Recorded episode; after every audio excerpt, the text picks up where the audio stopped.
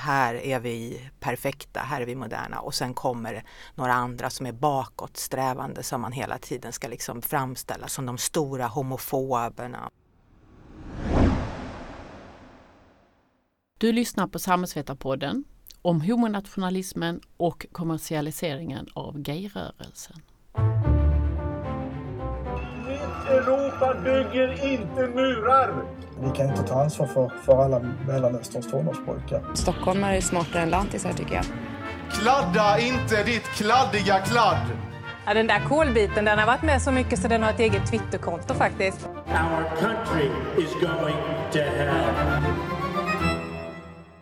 Hej och välkommen till Samhällsvetarpodden. Jag som leder det här heter Ursula Berge och är samhällspolitisk chef på Akademikerförbundet SSR. Idag tänkte vi ta oss an hbtq-frågorna och om de håller på att kidnappas av populismen, nationalismen och sedan länge kanske av kommersialismen. Om det pratar vi med Anna Maria Sörberg som är journalist och författare och som nyligen gav ut boken Homonationalism. Hon var också med och gjorde den första queer-tidskriften i Sverige, tidningen Zon, som kom ut ett antal år i början av 2000-talet. Om det här är första gången du lyssnar är du extra välkommen. Välkommen Anna Maria! Tack så mycket. Du beskriver i boken hur patriotism och nationalism vaknade till liv i och med attackerna mot World Trade Center 11 september 2001 och att det sedan banat väg för framväxten av det du och andra kallar homonationalism. Men hur får man ihop de här frågorna, hbtq-frågor, med nationalism? Det ena känns progressivt och det andra väldigt konservativt. Kan du beskriva din bild av det här?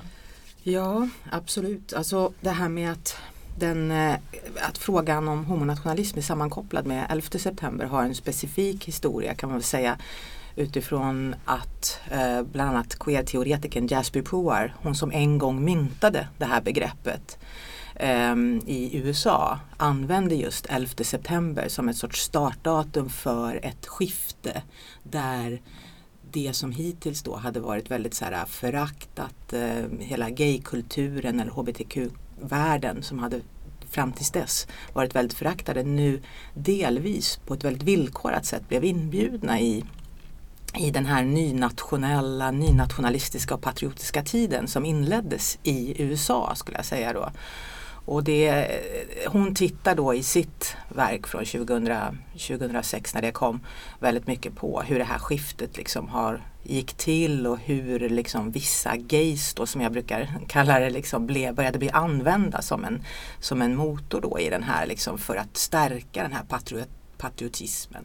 Och man kunde se det då till exempel i Pride-parader där helt plötsligt blev den här militäriska eller liksom krigsretoriken också ganska närvarande i, i, i olika gayparader där man liksom gick in i det här att vi är med på det här kriget liksom mot terrorismen. Och, och då det som hon ser då som också blev ett krig mot de andra också i landet framförallt. Men den här historien är ju då kanske på många sätt ganska amerikansk då, eller den här liksom internationalistiska militära liksom, eh, berättelsen. Så att när homonationalism nu diskuteras då utifrån Europa så får man gå in i det delvis andra sätt. Här finns andra liksom rörelser och krafter men man kan väl säga att det handlar väldigt mycket om om liksom den här liksom europeiska ångesten över hur vi ska leva tillsammans med så här, i, i en sorts mångkulturell liksom, berättelse. Och eh, under 90-talet så började framförallt då den liksom specif mer specifikt den muslimska, muslimska grupperna som, fram tills, som då helt plötsligt blev i den här konstiga berättelsen en homogen, hopbuntad grupp pekas ut som ett problem. Och det var här då som en sån som till exempel Pim Fortuyn som var ett holländskt eh, politiskt fenomen och som trädde fram på scenen under 90-talet. Eh, och han var öppen bög, han personifierade just det här som är en, en viktig del, en viktig motor i den här homonationalismen där han själv använde sig som exemplet på att jag har, bor i ett land där vi är i princip färdiga med, med gayrättigheterna. Vi är bäst i världen, vi, vi har de här nu. Men nu kommer det några som hotar dem. De, någon som är på väg att ta över dem eller som tänker ta ifrån oss dem. Och det är den här, här i som den här berättelsen börjar liksom väldigt mycket ta form som sen har spritt sig och som återkommer med olika typer av kraft. Och särskilt idag liksom, när vi lever i en, återigen en, en väldigt så här, auktoritär liksom, och en, en ny konservativ tid. Hade vi haft den homonationalism som vi ser till exempel i Frankrike och Holland och kanske också i Tyskland. Hade vi haft den utan 11 september? Nej, det tror jag det är svårt att se liksom. Men eh, den 11 september har ju, har ju en väldigt, väldigt specifik och, och otroligt liksom, omfattande betydelse även för liksom, de flesta europeiska länder i det här att man sätter igång den här berättelsen liksom, med en sån enorm då, kraft som ju är i omlopp då hela tiden om ett väldigt kraftfullt så här, vi och dem och där där man kör väldigt mycket mer på en berättelse om att skillnad uppstår i kultur. Liksom, mer än i någonting annat. Liksom, och mellan grupper av människor. Och så. så att jag tror att 11 september är svårt att, liksom, det är svårt att tänka sig eh, att eh, vi skulle kunna ha haft den här typen av kraft bakom berättelsen eh, utan det.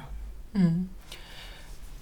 Alltså, skulle du säga att homonationalismen kommer mer ur eh, hbtq-rörelsen eller hbt-rörelsen kanske än vad den kommer ur nationalismen? Eller är den i grunden en nationalistisk eh, rörelse eller kanske anti-islamistisk rörelse som bara skaffar sig ett nytt verktyg?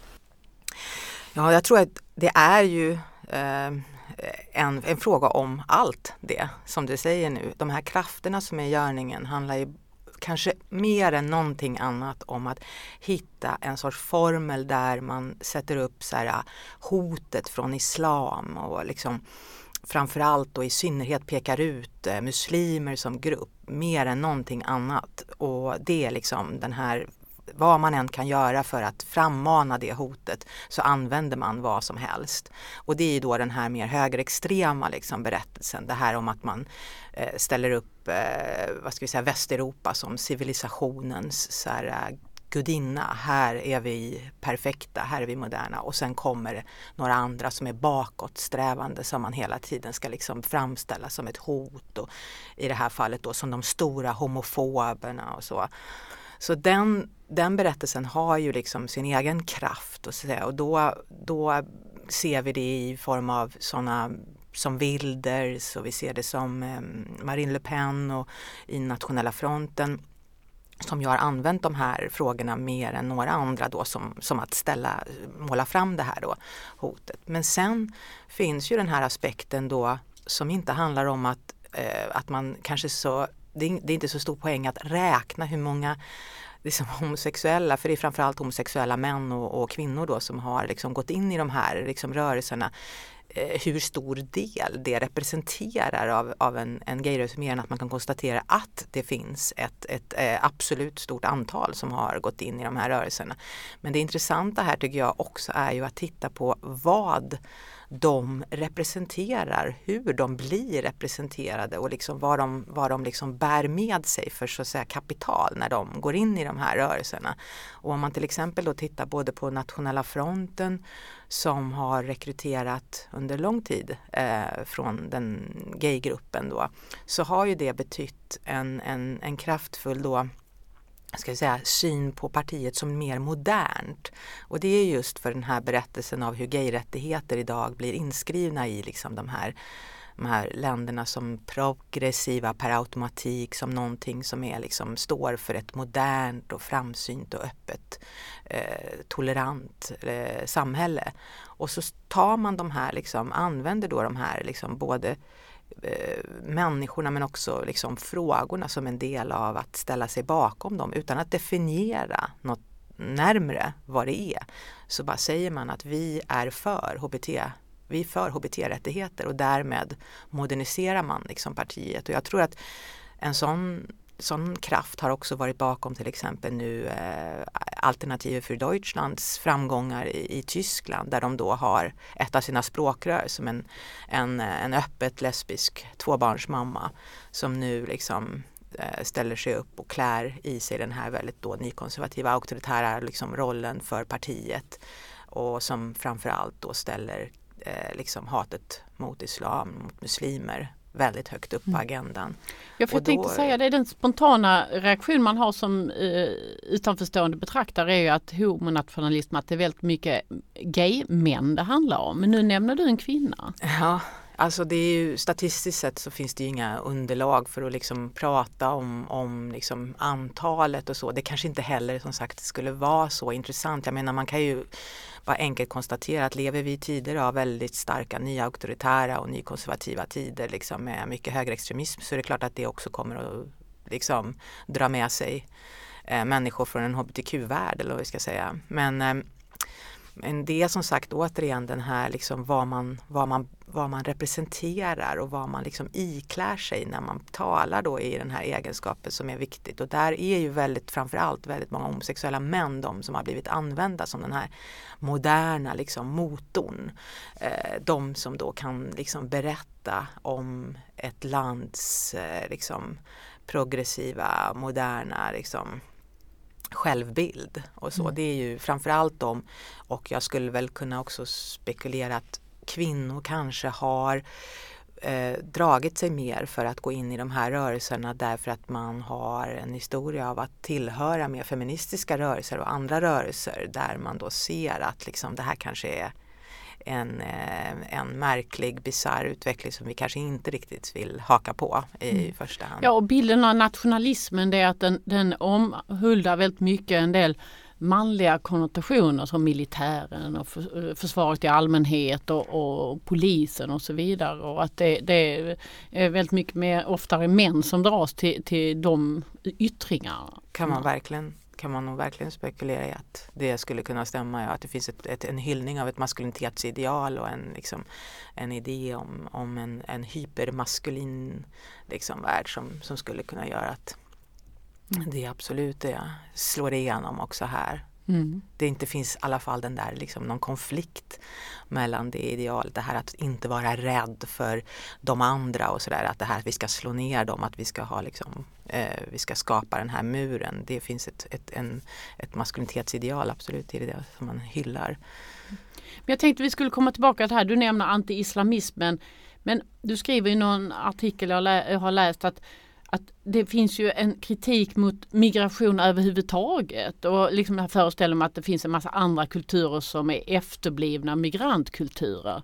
Men eh, är det en kritik mot all migration? Om man så är hindu eller buddhist? Eller, Mm. Ja, eller jag skulle ju säga det? att, ja, jag skulle säga absolut att det här i, i den tid vi lever i nu så är det här en, överhuvudtaget en, en, en, en, ett enormt liksom, eh, vad ska jag säga, förakt och hat mot eh, hela idén om att att vi ska leva i ett mångkulturellt samhälle tillsammans med liksom, olika grupper sida vid sida, hur vi nu eh, bestämmer oss för att beskriva det. Men också mm, mot att eh, hjälpa flyktingar, människor i nöd som flyr för sina liv från andra länder. Eh, det är mot alla de krafterna. Sen har då den, liksom, de muslimska grupperna blivit särskilt utpekade. De har liksom då efter 11 september och krig mot terrorismen varit då, vad ska vi säga, särskilt effektiv grupp att liksom hela tiden peka ut och dra fram som den som man liksom kanske specifikt eh, använder sig av i den här berättelsen för att få liksom kraft bakom det här det här vi och dem-tänkandet som det, som det ju handlar om om och om igen. Och det här att effekten i att ställa grupper mot varandra, då har de visat sig särskilt liksom, effektivt eh, Eh, effektiva att så här, använda sig av då på något vis. Och det är ju också mycket för hela den här Daesh-kopplingen liksom, och då kan man liksom så här, spela på det, man bara låter saker glida över i varandra. Men det är absolut så att att eh, idén nu liksom som är i snurr handlar ju om ytterst om att man vill stänga gränser för alla människor om man hårdrar utifrån vad den högerextrema liksom, idén handlar om. Men- Ingen ska men- komma hit. Men min för, föreställning om hbtq-rörelsen det är själva idén om inkludering Mm. och få bort utsattheten. Det här är egentligen bara en annan, ett annat utanförskap som handlar om etnicitet och gränser och, och hur, hur får man ihop det? Ja men här kommer man ju då, här skulle man ju då kunna så kontra med att säga att det finns liksom Det finns ju både kanske en föreställning om att hbtq-rörelsen är mer homogen än vad vi nog egentligen är så bekänt av att hålla på och måla fram. Liksom, som att det skulle finnas ett sorts vi hela tiden som, som är en, en gemensam liksom, grupp på något sätt. Och jag tror att mycket av det skulle vi behöva göra upp med därför att det här är liksom en grupp, som, eh, en grupp i den mening vi ens kan använda ett sådant ord som består av extrema vinnare men också extrema förlorare liksom hela tiden. Och eh, att människors bakgrund avgörs av och människors liv avgörs av väldigt mycket större saker än bara liksom huruvida man kallar sig för så här, homo, bi eller transperson. Liksom. Och, och det tror jag idag att de som i första hand nu har fått betala priset för till exempel den här homonationalismen som nu breder ut sig är ju de människor som inte är vita som, som, som också befinner sig här. Sen, vare sig man befinner sig här sedan eh, hela livet eller om man har kommit i, hit som flykting till exempel. Det är framförallt de som har fått betala priset men det är sällan de som används i den här berättelsen. Utan gayrörelsen och då kallar jag den för gaykulturen eller gayrörelsen blir oftast en väldigt vit liksom, historia när den framställs som om det här är någon homogen vit grupp liksom, som, som är eh, som, som ska representera den. Så att jag, jag tror att både att jag tror på att både göra upp om den berättelsen om det här viet eh, men sen också kan man konstatera att de här hbtq-frågorna då som vi, så som vi ofta benämner dem då, har liksom blivit de senaste åren på många sätt betraktade mer och mer som isolerade rättigheter. Som om de inte liksom hänger samman med, eh, med an, liksom ekonomiska orättvisor eller med andra viktiga liksom, eh, vad ska vi säga, krafter som avgör hur frågorna utvecklas. Utan som om det i första hand rör liksom rättigheter som man kan lägga till. Och det, det har ju att göra med att vi har haft eh, viktiga reformer som har slagit igenom här under 00-talet liksom, som absolut inte är, är att förakta på något sätt och som vi kan vara stolta över. Men de har nog också skapat en berättelse av att det här liksom är, rör egentligen bara i första hand eh, isolerade rättigheter. Eh, och det tror jag är en, ett perspektiv som så här, vi skulle behöva liksom fördjupa mer nu. Mm. Men jag tänker om det här fenomenet homonationalism nu de facto finns så, så i alla fall i min värld så breddade ju min föreställning om vad, vad gayrörelsen är. Och det du säger att vi måste göra upp med den här föreställningen om att den är så homogen. Ja men då, då är ju de en del av den liksom eh, vidgade berättelsen och, och spretigheten, att det kan vara väldigt olika. Mm, jo men det, är, så får man ju, det får man ju konstatera, så är det ju absolut och det har alltid varit så. Alltså att det finns eh, så här, eh, eh homosexuella som är rasister, så, det är inget okänt faktum eller nazister eller vad vi nu, vad vi nu liksom ska säga i den här mer extrema berättelsen. Det är inte liksom själva kärnfrågan skulle inte jag säga. Utan vad det handlar om här är ju att vi behöver diskutera hur när vi lever i en tid av liksom de här som nynationalism, nykonservatism, auktoritära liksom krafter. Eh, så behöver vi både se hur liksom, gayfrågorna har kommit att spela, eller sexualitetsfrågorna skulle jag säga, och har kommit att spela en väldigt specifik roll här allt mer. Vi behöver få tag på dem på den på den berättelsen och titta på det specifikt.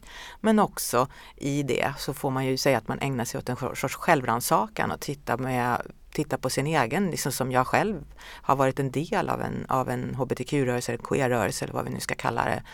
Eh, och också se vad, vad man själv har liksom varit med och byggt upp för någonting i den här liksom, vad skulle jag säga, 00-talet där allting skulle vara så himla positivt och optimistiskt och allting såg ut som att det var på väg att bli perfekt. Liksom. Mm. Alltså att vi behöver liksom ställa om den berättelsen och så läsa, läsa in frågorna nu på nya sätt. Mm. Om man eh, som svensk undrar, men hur ser homonationalism ut i Sverige? Vad skulle du kunna nämna för exempel där? Du har nämnt en del franska och holländska och tyska exempel. Men hur ser den ut i Sverige?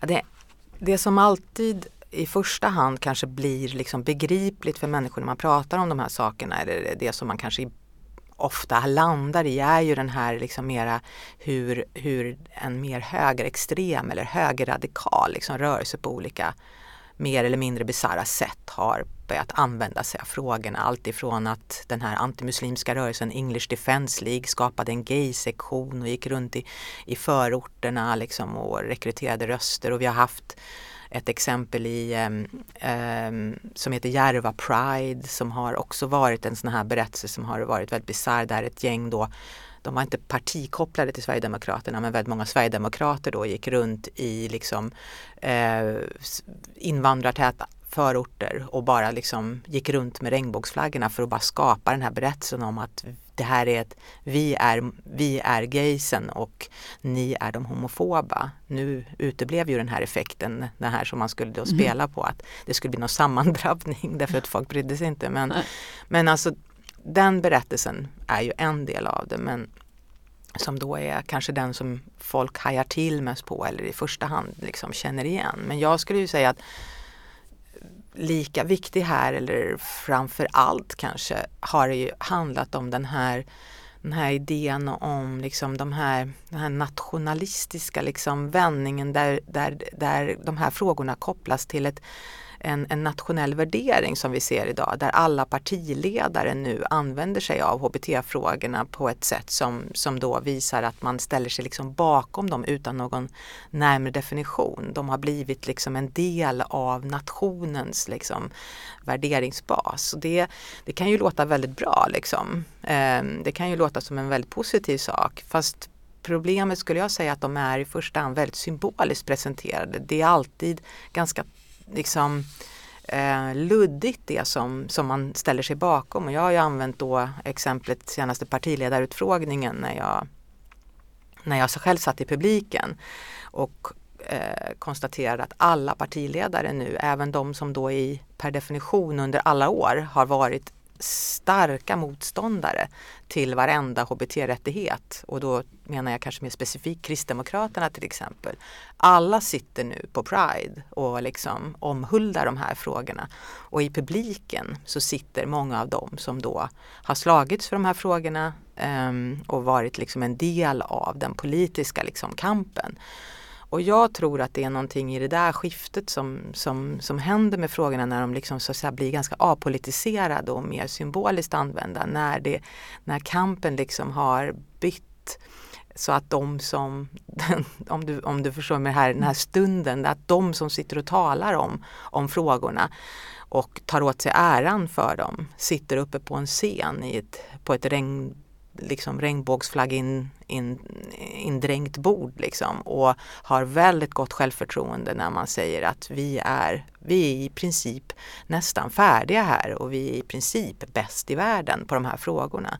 Det är där någonstans som det är någonting som, som händer som, är, som jag eh, ser som en del av den, den utveckling som sen då gör att det är möjligt för liksom den här mer högerextrema till och med falangen att sno de här frågorna därför att de är så symboliskt presenterade, urvattnade och behöver inte definieras längre. Det är inte mer än att man slänger upp en regnbågsflagga lite årdraget så, så visar det någonting. Mm. Och den, den delen tror jag vi behöver också få fatt på. Med. Jag tänkte du nämnde Pride och, där, eh, och den partiledardebatt som var där. Jag tänkte vi skulle gå vidare till, till Pride och eh, den eh, kommersialisering av hbtq-rörelsen eller gayrörelsen som, som det är ett exempel på. Du skrev en debattartikel på DN Kultur under Pride med den för en del kanske provokativa titeln Ibland måste vi stoppa paraden. Vad menar du nu med det? Nu satte ju inte jag rubriken. Nej det är ju aldrig så men ändå. Det var... men äh, även det var ju ähm... Men vad tycker du är det största problemet med kommersialiseringen alltså, av, av Pride? Som... Den här artikeln kom ju också till då ähm, som ett resultat av en, en våg som jag äh, liksom lyfte fram i den som framförallt då har äh, vi har kunnat se de senaste det senaste året i, i USA och i, i Kanada. Och USA är ju väldigt mycket sexualpolitikens liksom, hemland fortfarande. De sätter väldigt mycket så här, tonen även för det som, som eh, vi i många europeiska länder sen diskuterar och så. Både mm, eh, ja, akademiskt men också politiskt och så. Och eh, eh, det finns då en, en, en, en lång historia av en, av en kritik där man då både liksom titta på att eh, alltså det här skiftet liksom där där företagen numera får, alltså ut, utan någon som helst liksom, historia eller liksom egen ingång i de här frågorna nu liksom vill hänga i själva paraden och ta plats och göra reklam och bli, liksom, sälja in sitt varumärke därför att det är så, så härligt att koppla sig till de här frågorna nu därför att de har liksom en sån bäring. Eh, den, den historien är ju, har, ju, har ju en väldigt, den har en lång liksom, som sagt eh, historia. Men sen finns också den här då berättelsen som är, handlar om uniformerna i paraden, alltså polis och kanske till och med militär, militärernas närvaro då som har varit en extremt infekterad och liksom laddad berättelse som där, där man då ser det här som, som en så här, öppna poliser liksom, i uniform eh, som ett, så här, ett, ett, huruvida man ser det som ett framsteg för en, en rörelse som då Eh, startade eller grundade sig i en, en, just en, en protest mot repression. Och den här, den här till exempel berättelsen är ju då i ett, i ett USA eh, extremt då provocerande när man har liksom rapporterat nu de här senaste åren att det, det största dödligaste våldet mot svarta personer och mot, mot transpersoner och att det finns en polisbrutalitet kopplat till det då som är, som är eh, mer aktuell då än, än någonsin där. Och det är liksom i sig då en väldigt, det, den här diskussionen kan vara svår att förstå därför att vi har naturligtvis en annan historia här i Sverige då kopplat till hur polis, synen på polis och, och militär eh, ser ut här. Det finns eh, säkert exempel här på att liksom, det är många som slåss inom de här strukturerna för en större öppenhet och allt sånt. Jag säger ingenting om det i sig, det är en svår fråga det här men men det har i alla fall resulterat, de här stoppen mot kommersialiseringen och mot polisernas närvaro så resulterade det framförallt till exempel i Kanada där man stoppade paraden i 30 minuter i att man bestämde sig för att, att polis var välkomna att gå i paraden men man får inte gå med vapen och inte med uniform. Och det är en sån markering som, som kan vara en ganska viktig eh, liksom markering om att vi behöver en ny form av politisering och en ny form av eh, berättelse om vilka, vilka det är som egentligen utgör liksom, den politiska basen i en sån här rörelse. För det är det det ytterst handlar om. Att det mm. är inte i första hand en, en, en varumärkesmarkering det här eller, eller en markering om att eh, också poliser kan vara liksom gay eller eh, mm. vettiga utan det här, det här handlar om en, en, en, en, en politisk, en social rörelse som har en, en, en lång, lång historia av att så här, eh, tillhöra liksom feminist, feministiska eh, rörelser och antirasistiska rörelser. Eh, och det är, det, det är de frågorna som nu återigen måste liksom få ställas i fronten. Mm. För jag tänker det som kommer från Stonewall och den klassiska frigörelseveckan. Alltså det känns inte jättemycket frigörelse nu. Liksom. Alltså, om man tänker på de mest utsatta i, i de här grupperna som transpersoner och, och så vidare. Hur, hur ser Pride-paraden och allting runt det, hur ser man de mest utsatta i de här grupperna? Nej men det är just det här som är det stora, stora dilemmat nu att när offentligheten liksom på något vis bara dränks av den här, liksom, vad ska jag säga, eh, det här kommersialiserade budskapet då så, så kan det ju, det är ju snarare vad som då, vad som dränks och vad som då inte längre berättas eller kommer fram. Nämligen det som alltid har varit liksom hbtq-rörelsen, queer-rörelsens liksom, eh, alltså främsta kamp. Det har handlat om att man utgår från de mest utsatta. Det är de som är i fronten för frågorna. Det är de som ska definiera vad som utgör den här kampen. Och nu är det ju nästan som att vi vänder på det, att liksom i offentligheten så, så, så förvandlas liksom en, en, eh, en, en pride-kamp till en, en parad. Jag menar hela den här vokabulären liksom har ju skiftat nu under de här senaste åren. Så att, eh, Det handlar inte om liksom en, en slagkraftig liksom powerkamp i första hand utan det blir liksom begrepp som eh, rätt rätten att få älska den du vill, rätten att få vara öppen och så.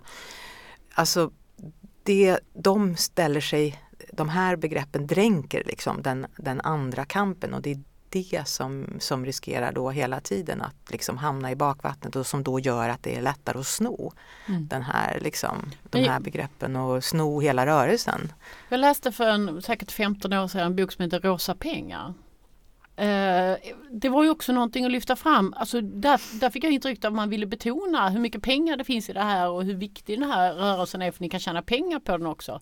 Eh, har man inte själv drivit fram lite av den här kommersialiseringen? Jo men verkligen, alltså verkligen. Jag vill säga då att jag var faktiskt kritisk till det här begreppet redan då. Nej men alltså så här, så är det ju. Det här, den, här, den här tron på Um, alltså den peng, rosa pengar-diskussionen kommer återigen som allt från liksom framförallt från USA där liksom den här, vad ska vi säga, där det tidigt stod klart att gaykulturen har vissa egenskaper som gör att den är särskilt bra att i att fungera som en så här sorts nyliberal motor. Liksom. Och det såg man väldigt mycket hända om man, eh, som till exempel jag själv bodde i ett så kallat gaygetto i slutet av 90-talet. Där man då hade skapat sådana här platser i USA för att kunna liksom hjälpa varandra mot liksom homofobi. Det var liksom eh, hela aids, hiv och aids-epidemin hade precis eh, liksom eh, eh dragit igenom och utsattheten var ju enorm och nu hade bromsmedicinerna kommit. Eh, man insåg att alla kommer inte att dö. Eh, och man försökte resa sig ur det här och så kom liksom den här nästa steg, liksom, det här med företagen som bara helt plötsligt såg en ny marknad och bara bommade in i de här, liksom, eh, vad ska vi säga, de här, de här färdigbyggda liksom, segmenten till den här gruppen som var då hungrig efter att bli ett, ett, liksom, en ny konsumentgrupp. Och, och det här liksom blev en diskussion då i sig som väckte enormt mycket både kritik men också eh, folk som bara älskade att gå in i det här och få bli den här, den nya konsumenten. Och när det här då kom till Sverige så var det så här återigen den här, det här som, som präglar liksom inklusive många av oss som, som befann oss i den här rörelsen. Ja men vad gör det? Marknaden är lite hungrig på det här också. Det är ingen fara. Det finns alltid en, en, en, en poäng i att få in de här sakerna från lite alla möjliga håll och alla vill väl väl ytterst och så. Um, och jag skulle säga att när marknaden här kom in då så är det det, det, är det vi ser idag. Liksom, när Mm. marknaden eh, när marknaden liksom i princip dränker hela liksom, eh, den, politiska, den politiska idén. Och det här var eh, framförallt så, så lanserade man ju fenomenet med rosa pengar just där kring, kring millennieskiftet i, i Sverige via näringslivet. Och då är det det här som du säger, idén om att man liksom tänker att men titta de här, de är inte bara ett gäng så här, människor att tycka synd om som, som har levt i ett offerskap. Utan de är ju faktiskt en, en, eh, en grupp att också så här, se, se som ett ideal därför att de är konsumenter. Och jag tror just att den, den berättelsen är väldigt problematisk därför att jag tror inte att eh, just pengar, marknadsliberalism i det befriar på något sätt eller ens ska kopplas samman med ett politiskt liksom, progressivt värde. Mm. Men nu lever vi i den tiden så att nu, nu handlar det om liksom att, att eh, försöka så här, avklä de här argumenten.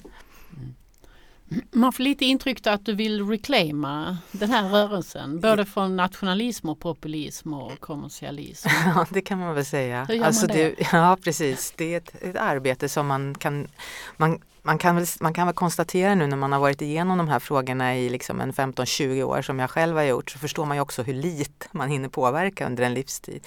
Men jag menar det handlar ju om att det är väldigt många människor nu som alltså, som i den här tiden återigen här konstaterar med oro liksom, och vill och mobiliserar nu ett motstånd mot de här auktoritära liksom, eh, tendenserna. Och det är ju det motståndet som, som det här, de här krafterna också som jag själv liksom bekänner mig till skriver in oss i. Att man måste komma på hur man ska liksom avtäcka, avslöja de här tendenserna för att inte bli använd eller för att bryta mot det som, liksom, som nu, eh, den här tendensen att ställa grupper mot, mot andra grupper och så. Eh, alltså var och en har ju svårt att rå på någonting. Jag menar vad kan man göra som i att man kan mobilisera via en bok eller artiklar eller i mitt fall eller, eller som aktivist inom organisationer eller, eller demonstrationer. Men tillsammans så tror jag på en sån rörelse där man går samman och liksom formulerar en, en, en bred kamp som är byggd på kraftfulla allianser och där man då sätter frågor om, liksom, eh, om rasism väldigt högt, högst upp på agendan. Liksom, där man tar liksom, tydlig ställning då så att sexualitetsfrågorna liksom, blir inskrivna i den kampen. Och det här är ju, du beskriver i din bok en, en artikel från The Economist från 2014 där du skriver, där de har tesen att halva världen går framåt och andra halvan går bakåt. Så hela den här eh, frågan handlar ju också om vår föreställning om om en värld som håller ihop värderingsmässigt. Och de målar ut afrikanska traditionalister och ryska nationalister å ena sidan och amerikanska fundamentalister och säger någonting annat. Eh, så, så, ja, åt vilket ja, håll går världen? Ja men precis, alltså, alla de där sakerna är ju också sant så att det är inte som att den här frågan alltså i sig eh, skulle säga att det inte finns liksom en, en, en enormt liksom, eh, en enorm polarisering till exempel med i, den, i det ryska samhället nu där den ryska makten liksom, har tagit på sig någon sorts roll av att vara heteronationalismens liksom, ursprung. Och, och han och Putin och liksom de kring honom pekar ut liksom Europa som det så här feminiserade, försvagade gay-Europa som, som man brukar sammanfatta det som. Och så så att det är ju, den här, hela den här polariseringen är ju den som jag tror att vi måste liksom ta oss ur. Alltså det här att berätta en väldigt eh, förenklad, liksom, homogen berättelse om ett Europa som, som ett, eh, en, en, en utvecklings en ut, i en utvecklingsfas som alltid går framåt och uppåt är liksom ganska kontraproduktivt. Det är så jag tittar på det, utan vi måste liksom få fatt på vad det är för självbilder här som, som liksom är i omlopp och hur vi kan liksom bekämpa dem för att kunna liksom skapa en, en ett samhälle där vi liksom lyckas eh, leva tillsammans på ett bättre sätt. Det är stora frågor. Jag tror vi får avsluta här. Tusen tack Anna-Maria. Det var allt från Samhällsvetarpodden den här veckan. Du hör oss igen om två veckor. Samhällsvetarpodden görs varannan vecka och fångar upp stora samhällspolitiska frågor. Prenumerera gärna på oss på de ställen där du brukar hitta dina podcasts och glöm inte att betygsätta och kommentera. Samhällsvetarpodden görs av Akademikerförbundet SSR, Sveriges ledande samhällsvetarförbund.